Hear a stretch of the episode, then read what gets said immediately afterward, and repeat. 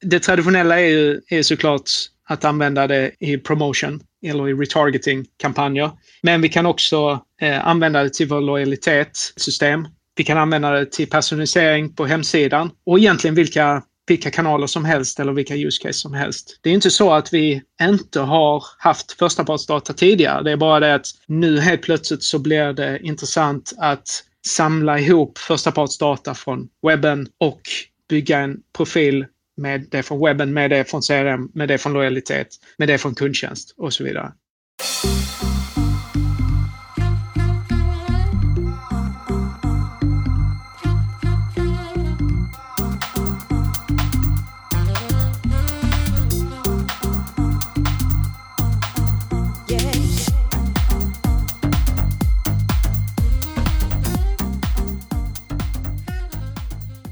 Välkommen tillbaka till Digital marknadsföring med Tony Hammarlund. Det här är en podd där jag intervjuar branschexperter och marknadsförare för att lära mig mer om digital marknadsföring.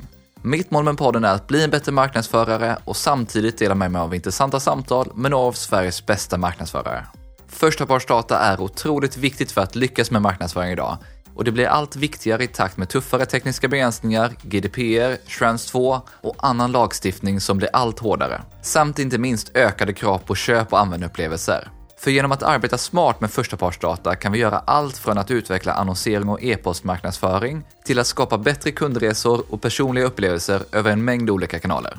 För att lära mig mer om det här så bjöd jag in Kristoffer Stenbeck som är Solutions Consultant på Adobe och en sann Martech-nörd. Han är expert på de här frågorna och arbetar varje dag med att hjälpa större företag och varumärken att navigera kring förstapartsdata, användningsområden och tekniken kring det.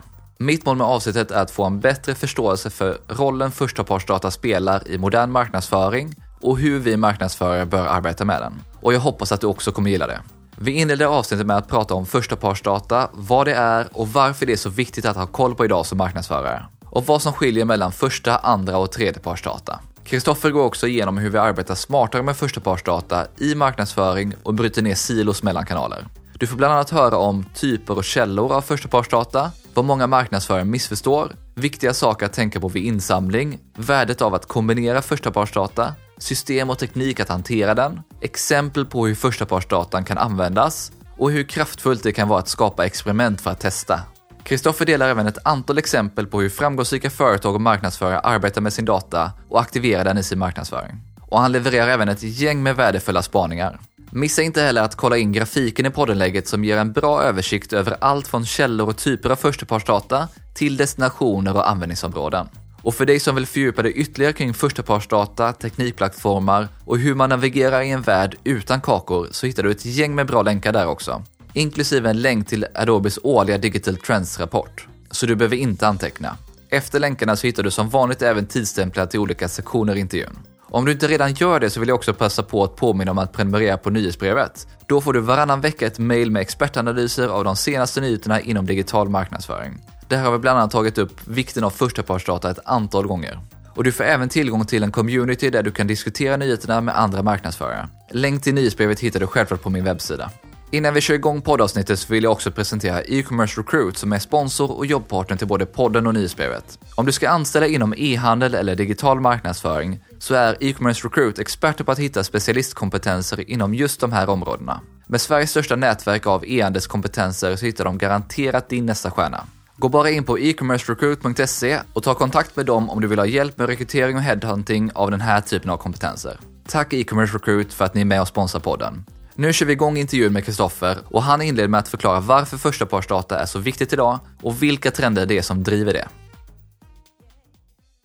Förstapartsdata, jag skulle säga att det är väl tre stora saker som har hänt som gör att vi pratar mer om förstapartsdata än vad vi har gjort tidigare. Det första är väl allting som sker där ute vad det gäller teknologi och framförallt begränsningar i de teknologier som vi brukar använda oss av för att spåra användarbeteende i våra digitala kanaler. Så vi pratar ju om att tredjeparts-cookien försvinner. Till och med i vissa sammanhang så förstaparts-cookien försvinner och livslängden på den här cookien blir mindre och mindre. Och vi måste faktiskt inse att den snart kommer att försvinna helt och hållet. Det är min prediktion eh, på det hela. Vi måste i varje fall förbereda oss på att det kommer inte att vara som det brukar. Så det är den första eh, liksom, drivkraften. Och den andra drivkraften är väl lite mer extern eller liksom drivet från kundernas perspektiv. Att vi vill ha en personlig upplevelse oavsett vad för kanal vi interagerar med för ett varumärke. Så att drivkraften från kunderna eh, och förväntningarna på varumärkena eh, ökar och vi kan inte längre organisera oss tekniskt och organisatoriskt i silos och styra mot, mot olika liksom, målgrupper eller målsättningar eller vad vi nu gör. Och sen det tredje är ju allting som sker vad det gäller GDPR och eh, Schrems och, och liksom lagstiftning eh, där ute. Vi måste helt enkelt ha mycket bättre koll på all vår data oavsett hur vi väljer att, att kalla det. Väljer att kalla det första, andra parts eller anonym, känd, backend-data, vad det nu är. Data om kunder måste vi ha strukturerat och vi måste ha koll och vi måste samla in eh, och visa det för våra kunder på ett transparent sätt. Det har ju hänt otroligt mycket de senaste åren. För de som sitter och jobbar mycket med paid social och annonsering inte minst, så har det ju verkligen kommit upp på tapeten att man måste ha koll på sin första partsdata och vad man faktiskt har där. Ja, men precis. Och, och framförallt också, det, vi har ju varit, eller de företag som jag träffar och, och tittar på så är det ju väldigt många som har extremt bra koll på sin data om sina kunder. Att man har konsoliderat i, i datalager och man, eh, du vet, man har en 360-vy av kunden. Men det är ofta ur ett backend-perspektiv, ur ett analysperspektiv. Man har inte gjort länken riktigt mellan det vi kan titta och, och liksom lära oss om våra kunder och sen göra den datan tillgänglig till våra marknadsförare som faktiskt sitter där ute längst ute på på, längst ute i, on the edge of the battlefield och, och liksom måste använda den här insikten. Ja, det är ju en viktig länk att få till för att annars som sagt så har man ju fortfarande väldigt svårt att nå ut och det blir ju svårare och svårare för varje dag egentligen. Absolut. Men vad är då första partsdata och vad skiljer det från andra parts eller tredjepartsdata som du varit inne på? Ja, det finns ju lite olika, lite olika definitioner där. Vi på Adobe brukar inte göra det särskilt svårt.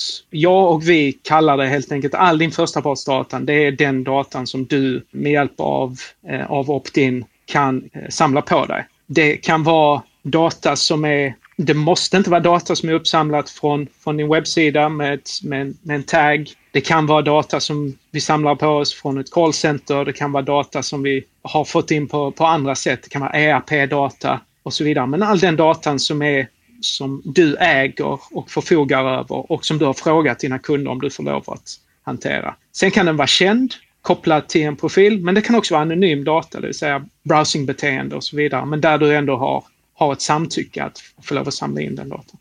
Vad det gäller andra partsdata är den datan som vi delar med oss av andra parter. Det kan vara att vi köper data eller det kan vara att vi delar vår data med någon annan. Det typiska exemplet är ju SAS, Eurobonus och, och American Express. Att kortdata kan användas av ett lojalitetsprogram och vice versa. Och då tredjepartsdata, om man som är, jobbar med display eller med paid search, är kanske mest eh, bekant med, är ju data som vi kan köpa in från tredje part där vi inte riktigt vet hur den har samlats in, utan vi litar helt enkelt på den källan där vi, där vi köper in data. Men det är någon annan än, än vi som företag som har det kontraktet med slutanvändaren för hur den datan ska samlas in. Det är väl egentligen det som är den stora skillnaden på ytterligheterna med första parts och tredjepartsdata. Du var inne på några typer av exempel på förstapartsdata, men kan du förklara lite mer vad det här faktiskt kan vara? För vissa är ju förstapartsdata det man ser i eh, Google Analytics, för andra kan det vara e-postadresser, för någon tredje kan det vara mobilnummer. Vad kan förstapartsdata vara för något? I min värld så, så är det alla de saker som du har beskrivit. Det måste inte vara bara Google Analytics-data och det måste heller inte bara vara din lista som du har i ditt CRM-system på dina befintliga kunder. Utan det är egentligen all eh, den typen av data som du kan samla upp där du som företag har en direkt relation och ett direkt kontrakt med slutanvändaren. Och sen som jag sa kan det vara, så kan den datan vara länkad till en känd kundprofil, men det kan också vara en anonym browsingprofil på din, på din hemsida eller din app eller, eller vad det nu kan vara. Vilka är de främsta källorna till att samla in det här då? De vanligaste källorna för att samla in förstapartsdata är som vi har sagt just skript på hemsidan till exempel. Men det kan också vara andra typer av, av källor som till exempel vad försiggår i ditt CRM-system? Vad händer i ditt billingsystem? I, i din liksom backend, alltså ERP-processerna? Kan vi få reda på att när någon är på din sajt att de också har en leverans som är på väg?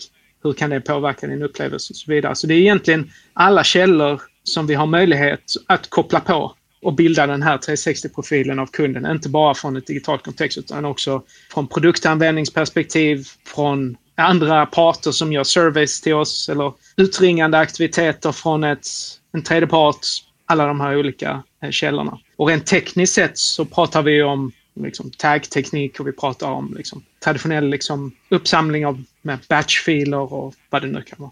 Och sen väldigt mycket formulär och liknande, inte minst om man är inom business to business. Ja, eh, absolut. Eh, det är, det är en väldigt vanlig källa. Absolut.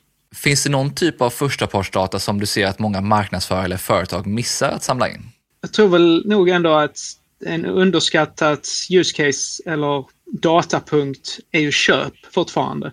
Eller relevans inte underskattat. Men det är ju fortfarande så att det är väldigt många som, som är aggressiva i social media och i annonsering och där man faktiskt har möjlighet att bygga suppression lists till exempel med hjälp av förstapartsdata, med hjälp av hash, e-mailadress eller telefonnummer eller andra typer av identifierare. Oftast så har vi i varje fall om vi har en, en verksamhet som har onlineköp eller vi har lojalitetsklubbar eller så vidare, så har vi ju den datan ganska enkelt att tillgå. Så pass enkelt att, att bygga suppression lists i, i betald annonsering är ju någonting som är en no-brainer idag tycker jag, men väldigt få som faktiskt använder. Och när du menar att arbeta med köp som data, är det just att utesluta de här som du pratar om, suppression lists, att faktiskt se till att utesluta det från retargeting eller annan typ av annonsering? Exakt. Så snarare än att retargeting-annonsen kommer när jag faktiskt redan har köpt just den produkten. Eller att vi, om jag har köpt för en viss summa och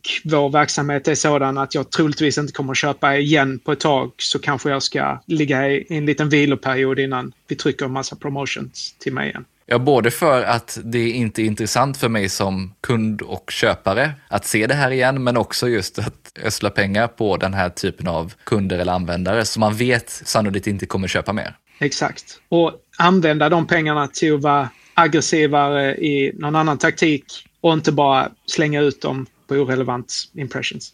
Vi pratar lite om det här med förstapartsdata, andrapartsdata och tredjepartsdata. Någonting som jag har hört pratas om allt mer det är zero party data. Vad betyder det egentligen? Ja, det är en av analysbyråerna som, som myntade det uttrycket. Jag tror det är mycket för att skapa lite klick bakom artikeln. Eh, men, men vad man säga, eh, vad de menar där med zero part data, det är väl egentligen första partsdata, men där kunden själv uttrycker önskemål och riktningar. Så att jag skulle kalla det för första parts preference eller intent-data. Det vill säga att låt säga att man har ett preference center där man kan säga att jag är intresserad av det här men inte det här. Alternativt att jag beter mig på ett visst sätt så att jag hamnar i en viss kategori, en intressekategori. Så det vill säga det är jag, den inriktning som jag ger från mig som kund eh, är väl det som den här analysfirman eh, kallar för zero party data. Då. Eller snarare att vi som företag ska kunna tänka ut vad du vill och inte vill så berättar jag själv och då ska du kunna plocka upp det och anpassa det efter. Ja, men det känns som sagt som du var inne på att det är ett buzzword som någon har skapat, men det är ändå intressant att tänka för det, det lägger till en dimension på det som vi vanligtvis pratar om, webbhistorik och webbeteende eller e-postadress och eh, telefonnummer och liknande. Och sen har det här preferenser, vad man faktiskt är ute efter, vad man har för intention och så vidare, att lägga på en nivå på det egentligen. Vad ser du att många marknadsförare missförstår när det gäller förstapartsdata? Jag tror att många marknadsförare tänker att det bara handlar om, om ens källor som man har i digitala kanaler, alltså i, till exempel på hemsidan. Och sen så stannar man där. Men man tänker inte igenom hela, alla de andra källorna som vi har tillgängliga med mycket bra information om våra kunder. I vårt CRM-system, i vårt kundservice-system, till och med i, vårt, i våra backend-system. Jag skulle säga att det är väl den största eh, missuppfattningen, att man tar det ur ett rent liksom, webbkanalsperspektiv. Och det är väl därför det också det här kring hur data samlas in och problemen som har kommit upp kring integritet de senaste åren, att det blir ett så stort problem för att man ser bara den digitala insamlingen, inte på andra källor till hur man kan få in datan i sig. Ja, men precis. Och, och jag tror stor del av varför det finns mycket missförstånd, det är ju problematiken i sig att helt plötsligt så pratar vi inte bara om, om den världen som jag som har hand om betald annonsering känner till, utan jag måste bredda mitt synsätt och titta på andra källor och framförallt prata med andra delar av businessen också. Det, det öppnar upp många möjligheter, men det gör det också väldigt mycket svårare eh, för mig som individuell liksom, marknadsförare. Vad är då viktigt att tänka på när man samlar in den här typen av data och hur viktigt är det att ha det strukturerat? För det första så är det ju extremt viktigt att, att ha konsent och eh, medgivande med i, i allting man gör. Och framförallt vara väldigt, väldigt transparent med hur man tänker använda den här datan. För att vi kan skapa väldigt, väldigt fräcka use case och situationer, men är jag helt oförberedd på vad som kommer att hända så kommer det att, att sparka tillbaka mot oss ganska snabbt. Så ett ganska, ganska starkt fokus på att vara transparent med vad som kommer att ske. Sen så eftersom vi pratar om så många olika källor av data där vi har strukturerade system som CRM-system eller mitt, mitt data warehouse eller min data lake som jag har, som min IT-avdelning har hand om. Och sen har vi alla ostrukturerade källor som klickströmmen på, på webben eller i min app eller produktanvändning eller en IoT-device som samlar telemetridata, vad det nu kan vara, så kräver det ju ett tänk och verktyg som klarar av att bygga en gemensam kundmodell av de här olika typerna av, av data och event som kommer. Som ibland kan ha traditionell känd eh, relationsdatamodell som vi alla tycker om. Och i en helt annan situation så kan det vara anonyma identifierare med helt ostrukturerad eh, strömmande data. Ja, men då får jag flera frågor på det här. Kan man och får man kombinera förstapartsdata för att skapa mer heltäckande profiler på det här sättet? Tvådelat svar. Kan man? Ja, det kan man. Får man? Det beror helt och hållet på hur du hur din business ser ut och vad för kontrakt och hur du samlar in den datan. Alltså kontrakt med din, med din slutkund, med din slutanvändare. Så det är upp till varje företags juridiska avdelning att, att besluta det. Jag, jag, brukar, jag brukar inte vilja ge råd i den där. Gör folk det? Eh, absolut. Får man det? Ja, absolut. Under rätt förutsättningar. Vill man som slutkonsument att det här sker? Absolut. Jag vill att du som, som varumärke, om jag har sagt tummen upp, då vill jag att du känner igen mig. Då vill jag att du ger mig den personliga upplevelsen som jag förväntar mig. I den här typen av case, hur håller man reda på samtycke för den här typen av data, inte minst när man kombinerar data? Det är ju den stora knäckfrågan. Och det, och det, det är där eh, det börjar skilja sig lite beroende på vad för, vad för strategi man tar för att samla upp den här datan. Det finns ju lösningar, tekniska lösningar och plattformar som gör det mer eller mindre enkelt för dig att koppla ihop en massa källor, bygga en profil och ha det lagret av, kallar det för governance, eller, eh, det vill säga att där du kan bygga ett ramverk kring vilka datatyper eh, eller vilka datapunkter du har och hur du får lov att använda dem. Till exempel uppsamlad data på webben får lov att användas i analyssyfte men det får inte lov att användas till att skicka till en tredjepartsannonsör. Så där finns det plattformar för att göra det. Väljer man att inte göra det, väljer man att själv sy ihop de här punkterna, eh, då har man ganska mycket arbete och man måste vara väldigt... Det är fullt möjligt att göra, eh, bara det att man måste vara väldigt eh, liksom ha ett väldigt tight team och ha en tight uh, operations för att, för att få det att vara samstämmigt genom alla use case man, man väljer att göra. Men då kommer vi in på det här med systemstödet. Så vilken typ av system eller teknik anser du att man behöver ha för att kunna jobba bra med första partsdata? Det är också ett eh, extremt svårt eh, svar. Det beror helt och hållet på, på ambition och, och framförallt vad för use case man, man vill uppnå låt säga att man har så pass enkelt use case som att man säger att jag har en massa bra data i mitt CRM-system och sen har jag en massa bra data på min sajt eller i min app. De två datakällorna vill jag på något sätt ha ett och samma verktyg för att kunna göra målgrupper och för att kunna liksom eh, samsynka vad vi gör i betalt, eh, social och samma segment vill jag också återanvända i i min e-postkanal till exempel. där finns ju en uppsjö av verktyg och där har ju mer eller mindre alla marketing automation system den eh, möjligheten att, att kunna uppfylla det.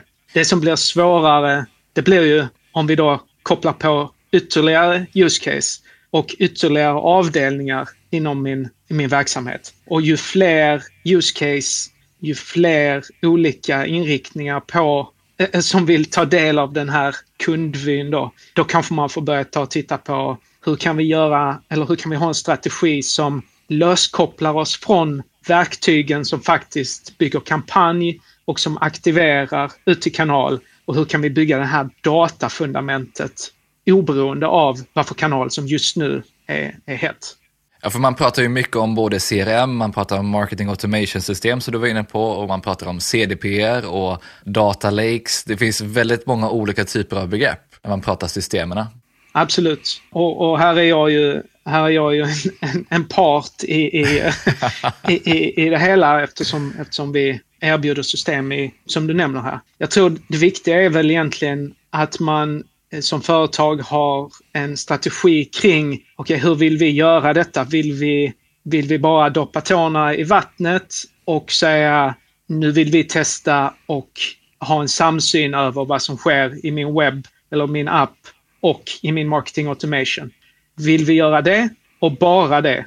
Ja, då är svaret ett ganska enkelt svar. Men önskar jag ta ett leapfrog fram i framtiden och säga att vi ska bygga en plattform för att kunna hantera hur gör vi när cookies inte längre finns överhuvudtaget. Hur gör vi när vi inte kan samla upp data med cookies? Vad har vi för olika datainsamlingsalternativ? Hur gör vi med, med alla lagändringar som kommer att ske och med, med governance och privacy? Kan vi ha det på ett och samma ställe så att vi inte är beroende på att implementera det i varenda kanal vi har idag och kanaler som vi har framöver. Så det är väl där liksom, ska vi titta här nu eller ska vi ha en lite längre horisont? Före jag fortsätter prata förstapartsdata med Kristoffer så vill jag presentera veckans sponsor i podden. Den svenska programmatic-plattformen Mash to One. Ett lättanvänt verktyg för AI-drivna display och native-kampanjer som gör det möjligt att nå rätt målgrupp på över 93% av världens annonsplatser. Perfekt om man vill bredda marknadsmixen utanför Facebook och Google. Plattformen gör det enkelt för marknadsförare att skapa kampanjer för att öka varumärkeskännedom, driva trafik, konverteringar eller försäljning med automatisk ROAS-optimering. Något som är riktigt coolt är att man har en smart koppling mot Google Analytics som med maskininlärning optimerar annonseringen utefter beteende på sajt. Och spårningen går självklart att sätta upp med Google Tag Manager. För att göra det superenkelt att komma igång med programmatisk annonsering så erbjuder man onboarding från ett svenskt team. Vill du veta mer så är det bara att gå till match21.com och hälsar du från mig så drar de av halva SAS-kostnaden under tre månader. Stort tack Match2One för att ni är med och sponsrar podden. Jag förstår, det är en stor fråga. Det, det var väldigt intressant att höra din, din take på det. Du var inne på det lite tidigare, men hur kan vi använda förstapartsdata i vår marknadsföring? Det finns ju en hel del vi kan använda det till. Allting nästan skulle jag säga. Men det traditionella är ju är såklart att använda det i, i promotion, alltså eller i, eller i retargeting-kampanjer. Men vi kan också eh, använda det till vår lojalitetssystem. Vi kan använda det till personalisering på hemsidan och egentligen vilka, vilka kanaler som helst eller vilka use case som helst. Det är inte så att vi inte har haft förstapartsdata tidigare. Det är bara det att nu helt plötsligt så blir det intressant att samla ihop förstapartsdata från webben och bygga en profil med det från webben, med det från CRM, med det från lojalitet, med det från kundtjänst och så vidare. Och man har väl framförallt också förstått vikten av att ha datan själv, att inte bara ha tillgång till den. Absolut. I den osäkra världen som vi har där vi, där vi måste ha kontroll och där vi måste kunna redovisa för kontraktet med vår slutanvändare med vad vi vet om dem så är det ganska så bra att du som företag har det ägandeskapet snarare att man lämnar över det till tredje part.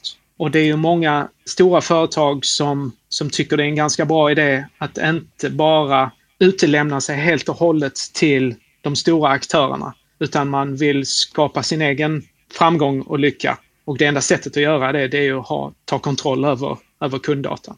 Eller åtminstone att göra det samtidigt. Absolut, det är inte det, är inte det ena eller det, eller det andra. Eh, såklart. Vad ser du att de företag eller marknadsförare som är riktigt duktiga på det här gör för att aktivera den här datan? De som är duktiga på det här, de ser ju på kundresan inte per kanal, utan de ser det här över den verkliga upplevelsen. Det vill säga att ibland tittar jag på hemsidan eller i appen, ibland så pratar jag med en kundtjänst, ibland så tittar jag på sociala medier och man tar det helhetsgreppet över kundresan oavsett kanal.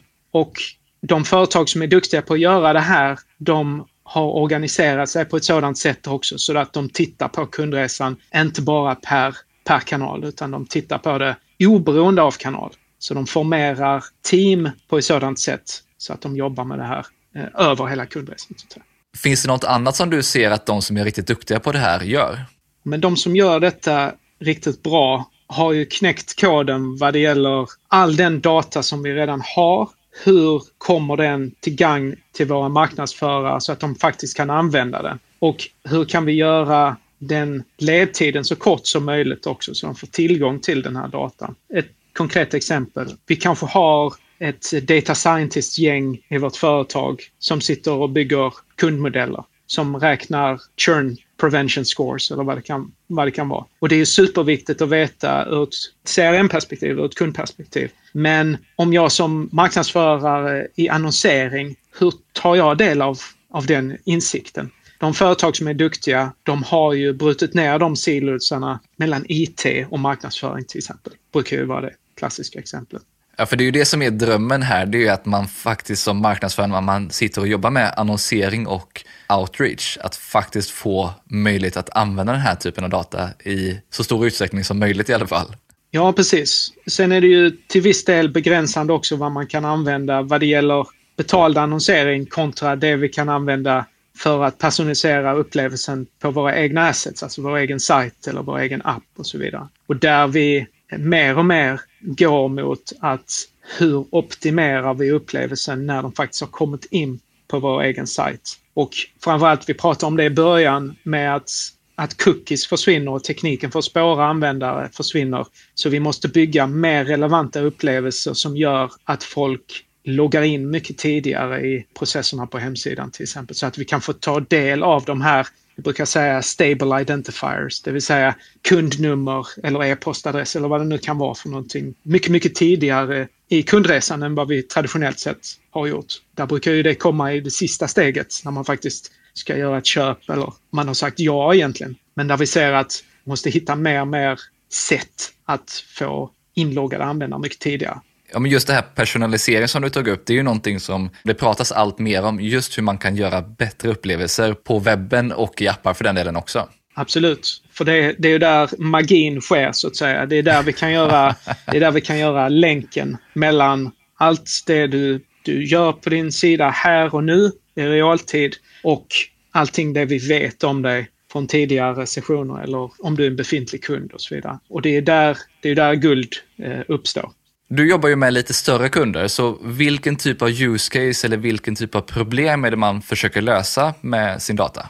Det är fortfarande ganska så, ganska så basala use case som oftast de stora kunderna behöver hantera. Det är egentligen det grundläggande att skapa den där 360-vyn av kunden. Och väldigt många stora företag de har gjort det väldigt länge och samlat på sig datan. Men de har inte den tillgänglig för marknadsförare och de har inte den tillgänglig fort nog för att marknadsföra. Så det handlar väldigt mycket om att ta online och realtidsvärlden och gifta samman den med den batchorienterade världen, alltså den backend-världen som många av de företagen befinner sig i. Så de kan använda, så att marknadsförarna kan använda sig av all den rika datan som de samlar på sig tillsammans med onlinebeteendet här och nu. För sådana enkla saker som att till exempel vi borde visa produkt X om du är kategori bla bla baserat på vad vi vet eh, från datan redan. Ja, men det är kul att höra att även den här typen av större organisationer som ni jobbar med också har den här typen av utmaningar.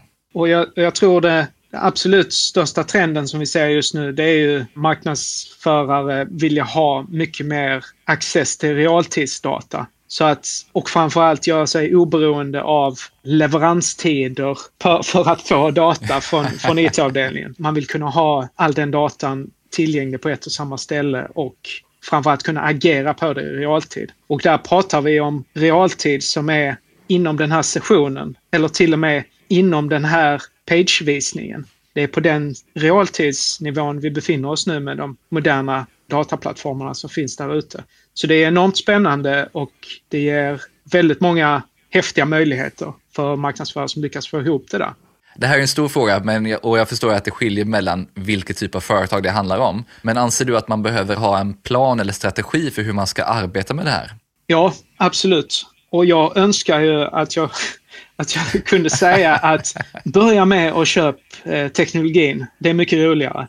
Men tyvärr så kan jag, inte, kan jag inte ge det som råd för att det stämmer helt enkelt inte. Tyvärr så är det ju så att det är den ändan många börjar. Man identifierar en, en brist i sin nuvarande maskinpark, om jag väljer ett slarvigt uttryck, men ens teknologistack. Och så säger man vi måste, vi måste ha en CDP-plattform till exempel. För det verkar alla ha just nu. Men i själva verket är det ju inte, kommer inte det hjälpa dig så väldigt mycket framåt utan du måste ju börja med helt enkelt att definiera use case och koppla det till mål och ha det mot styrbara KPI som du kan använda. Så hederligt gammalt business analyst-arbete måste föregå en sån process. Så strategin är precis som i många andra liksom, traditionella projekt att vi måste börja med kravbilden innan vi ens kan liksom, hoppa i teknikkorgen. Vad anser du att man bör gå igenom i det här förarbetet då och vad bör en sån plan eller strategi innehålla? Ja, den behöver ju vara mer än bara use case och teknik. För den kommer ju innefatta väldigt mycket förändring inom din egen organisation också. Så att om man säger att man tar checklisten då som jag brukar ha framför mig så är det ju, förstår jag vilken resa och customer journeyn som jag vill, som jag vill komma åt? Förstår jag use casen kring det? Har jag ett team som klarar av att leverera på det här? Antingen inhouse eller tillsammans med med kunder. För det här kommer vara över funktioner som du organiserar idag troligtvis. Har jag rätt stakeholders med på tåget för att kunna göra de här nödvändiga förändringarna det kommer att innefatta? Det kommer att innefatta förändringar av hur till exempel vi, vi målstyr våra interna team. Och framförallt, har jag legal med på båten? Får jag lov att göra detta? Hur ser våra eh, skrivelser ut på vår hemsida när vi tar, när vi tar och gör opt-in eller när vi när man accepterar cookies. Är detta någonting vi får lov att göra i min marknad? Är den reglerad, är den icke-reglerad? Eh, och så vidare. Och om man gör det ännu mer konkret för marknadsförare som faktiskt jobbar med det eller för mindre företag så handlar det mycket också om att faktiskt titta på vilken data vi de facto behöver samla in. Absolut. I många fall och i många projekt som jag är inne i så betyder det här att man helt enkelt måste designa helt nya gränssnitt mot våra kunder. Vi måste bygga ut portaler, vi måste bygga någon annan slags incheckningsupplevelse. Vi, man ska kunna registrera sin produkt för i många fall så när man har köpt någonting så försvinner man ut i rymden och sen kommer man ju bara tillbaka när man har ett problem eller man måste byta ut något. Vi kanske måste följa med kunden ut i själva användarupplevelsen av vår produkt eller tjänst också. Så absolut, i många fall så betyder det att vi, vi måste skapa nya erbjudanden också för att kunna komma åt de datapunkter vi önskar. Och när vi kommer in på det här då, så hur rekommenderar du att företag och varumärken ska göra för att lägga rätt grund för det här arbetet med förstapartsdatan? Ja, det, det, är egentligen det vi, vi pratade om tidigare med att förstå sig på kundresan och förstå sig på vilka use case vi, vi har mest värde i att, att gå efter. Och där är det ju inte så att vi måste ha alla svar på en och samma gång, utan vi börjar helt enkelt resan någonstans och har en ambition som är att, att skala upp ganska snabbt. Men har man satt de första use case vad det gäller, låt oss säga att vi ska det som sker på webben och det som sker i vårt kundtjänstsystem och det som sker i vårt CRM ska på något sätt bilda en och samma enhet och en och samma kundprofil. Om vi har det legala på plats, om vi har teamet för att kunna prata över de gränserna på plats, om vi har tekniken på plats för att supportera att samla in och lagra och strukturera på ett vettigt sätt, ja, utifrån det läget så kan vi accelerera väldigt, väldigt fort. Finns det några andra tips eller saker som du brukar sätta upp i någon typ av roadmap för hur man just lägger den här grunden? lite beroende på storlek av, ja. av företag och komplexitet såklart. Nu, nu kanske, när, när jag har pratat här så kanske det låter extremt avancerat. Det behöver inte vara det om ens verksamhet är mindre och mer agil och där man har väldigt hög egen beslutsfattande över, över gränserna och vad det gäller liksom inköp av lösningar. Eller, det kanske inte är mer än tre personer vi, pratar vi, vi som behöver prata samman. Men om vi befinner oss i den lite mer komplexa världen som, som jag befinner mig med, med storföretag som har flera hundra man som jobbar inom det här området och som jobbar på 20 marknader och med 40 olika teknikleverantörer. Ja, då blir det ju lite, lite en annorlunda fråga och där brukar det ofta handla om att formera ett Center of Excellence-team som tar och driver de här första use casen på plats. Som sen drar med sig resten av företaget. Så ett starkt eh, initialt team, antingen med bara inhouse-resurser men man kan också ta in till exempel innovationsbyråer och så vidare som hjälper en igenom den processen för att etablera det där första viktiga use caset som demonstrerar värdet av en vettig första partsdatastrategi. Och om man tar de lite mindre casen och tar någonting som är mer riktat till marknadsförare som mig där ute. Vilka är dina bästa tips för oss för hur man lyckas riktigt väl med sitt arbete med den här typen av data? det är absolut bästa tipset det är att resa sig från stolen eller, eller ringa på Teams till eh, dina kollegor som gör samma sak fast i andra kanaler och börja prata om det här och se hur kan vi göra detta? Hur kan vi göra det på ett sätt som inte bara optimerar min egen kanal utan som tar och sätter kunden i, i fokus. För att det ska ske så kanske det måste vara så att någon på lite högre ort sätter detta på agendan. Men då är kanske tipset att eh, då och då resa sig upp och räcka upp handen och säga, borde vi inte se det på ett lite större perspektiv än inte bara per kanal? Om det här då är tips för hur man lägger grunden för sitt arbete, hur skulle du säga att man kommer igång på ett bra sätt eller bygger ett case för det? Jag skulle vilja säga att ta ett use case och testa. Det är svårt att få ihop det här innan vi kan visa värde för vad det faktiskt ger oss. Va? Så ett tips på ett litet team som är lite agilt och som kan ro ihop lite data testa och se om ni kan fånga upp eh, en identifierare i ert webbanalys till exempel. Och se om ni kan använda den datan i en CRM-kampanj, i en marknadsföringskampanj i e-post till exempel.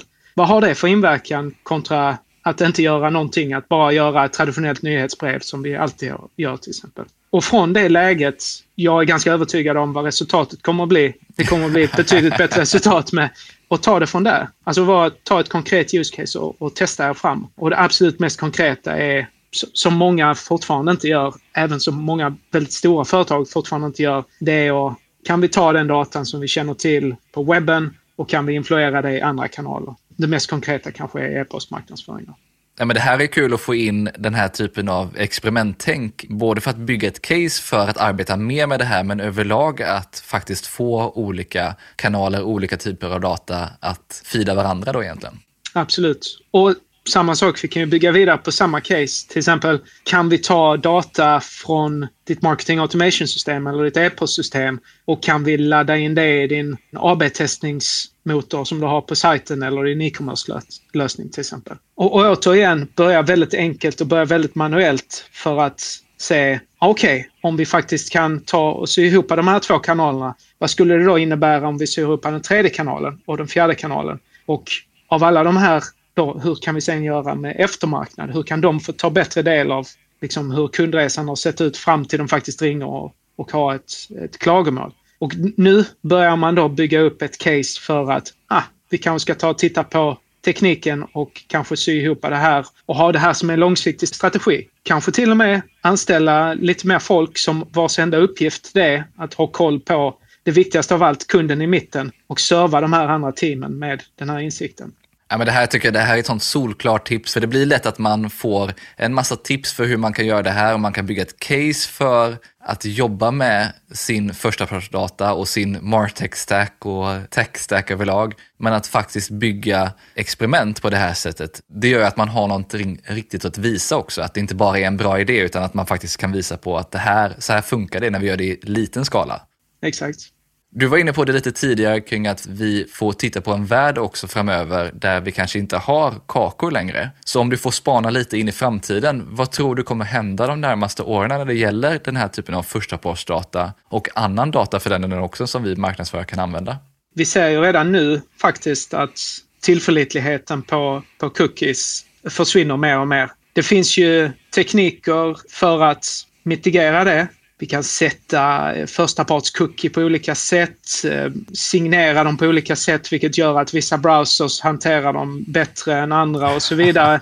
Och det finns eh, sätt där vi kan faktiskt göra det på serversidan, det vill säga att vi inte i klienten i browsern spårar, utan vi spårar på serversidan, vilket gör att vi kan komma runt vissa sådana här grejer. Men allt det här är ju egentligen varianter av samma sak. I slutändan är det ju fortfarande så att vi tillsammans med slutanvändaren måste ha ett kontrakt sinsemellan som säger att det här är okej, okay, det här är inte okej. Okay. Det ska inte vara så att bara för att man tekniskt sett kan lura Chrome så betyder det att det är okej. Okay. Det kan det kanske vara på kort sikt för att man inte har lyckats styra om sin affärsmodell. Men jag tror en framtidsspaning är väl att vi måste ett, inse att det här kommer att ske och att det sker.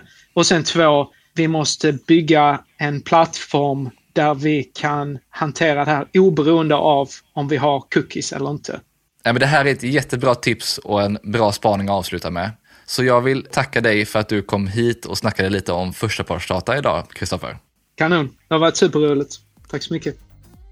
Det här tyckte jag var superintressant, för förstapartsdata är ett viktigt ämne för alla marknadsförare att ha åtminstone en grundläggande förståelse för, inte minst varför det är så viktigt. För det är som sagt en avgörande komponent idag för att arbeta framgångsrikt med allt från annonsering och e-postmarknadsföring till att skapa bättre kundresor och personliga upplevelser över en mängd olika kanaler. Och jag hoppas att du lärde dig en del nytt från avsnittet och fick med dig en del bra idéer och insikter. Kanske vilka experiment med data du vill göra.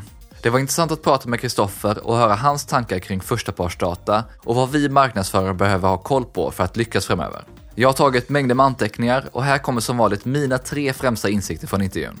1. Att kombinera olika typer och källor av data. Till exempel att kombinera data från webbanalysverktyg med data i CRM eller marketing automation för att dra bättre insikter och skapa mer relevant marknadsföring och bättre kundresor. Men det kräver självklart att man har koll på juridiken och samtycken. 2. Att jobba över olika kanaler och bryta ner silos mellan avdelningar. Något som Kristoffer lyfte flera gånger var just hur viktigt det är att kommunicera med kollegor och team som arbetar med andra kanaler eller områden för att bryta ner silos mellan avdelningar och se hur man kan kombinera data och insikter. 3. Att skapa experiment och tester för att bygga case. Det här var en insikt jag verkligen tar med mig. För projekt kring hur man ska arbeta med data kan lätt växa sig väldigt stora. Och hur smart är det inte då att istället skapa mindre experiment kring förstapartsdata för att bygga case för att investera mer tid och resurser? Det här var mina insikter. Dela gärna dina tankar i en kommentar eller ett inlägg. Om du gillade avsnittet så jag hade varit grymt tacksam om du tipsar något som du tror kan tycka om det och podden. Och glöm inte av att prenumerera om du inte redan gör det. Du hittar som vanligt länkar till alla resurser och verktyg vi nämnde i poddenlägget på tonyhammarlund.io. Missa inte att kolla in grafiken i poddenlägget som ger en bra översikt över allt från källor och typer av förstapartsdata till destinationer och användningsområden. Och för dig som vill fördjupa dig ytterligare kring förstapartsdata, teknikplattformar och hur man navigerar i en värld utan kakor så hittar du ett gäng med bra länkar där också. Inklusive en länk till Adobes årliga Digital Trends-rapport. Avslutningsvis vill jag passa på att tacka Mikael på Better Waves som hjälper till med att producera den här podden och stå för musiken. Vi hörs snart igen med fler intressanta gäster och ämnen.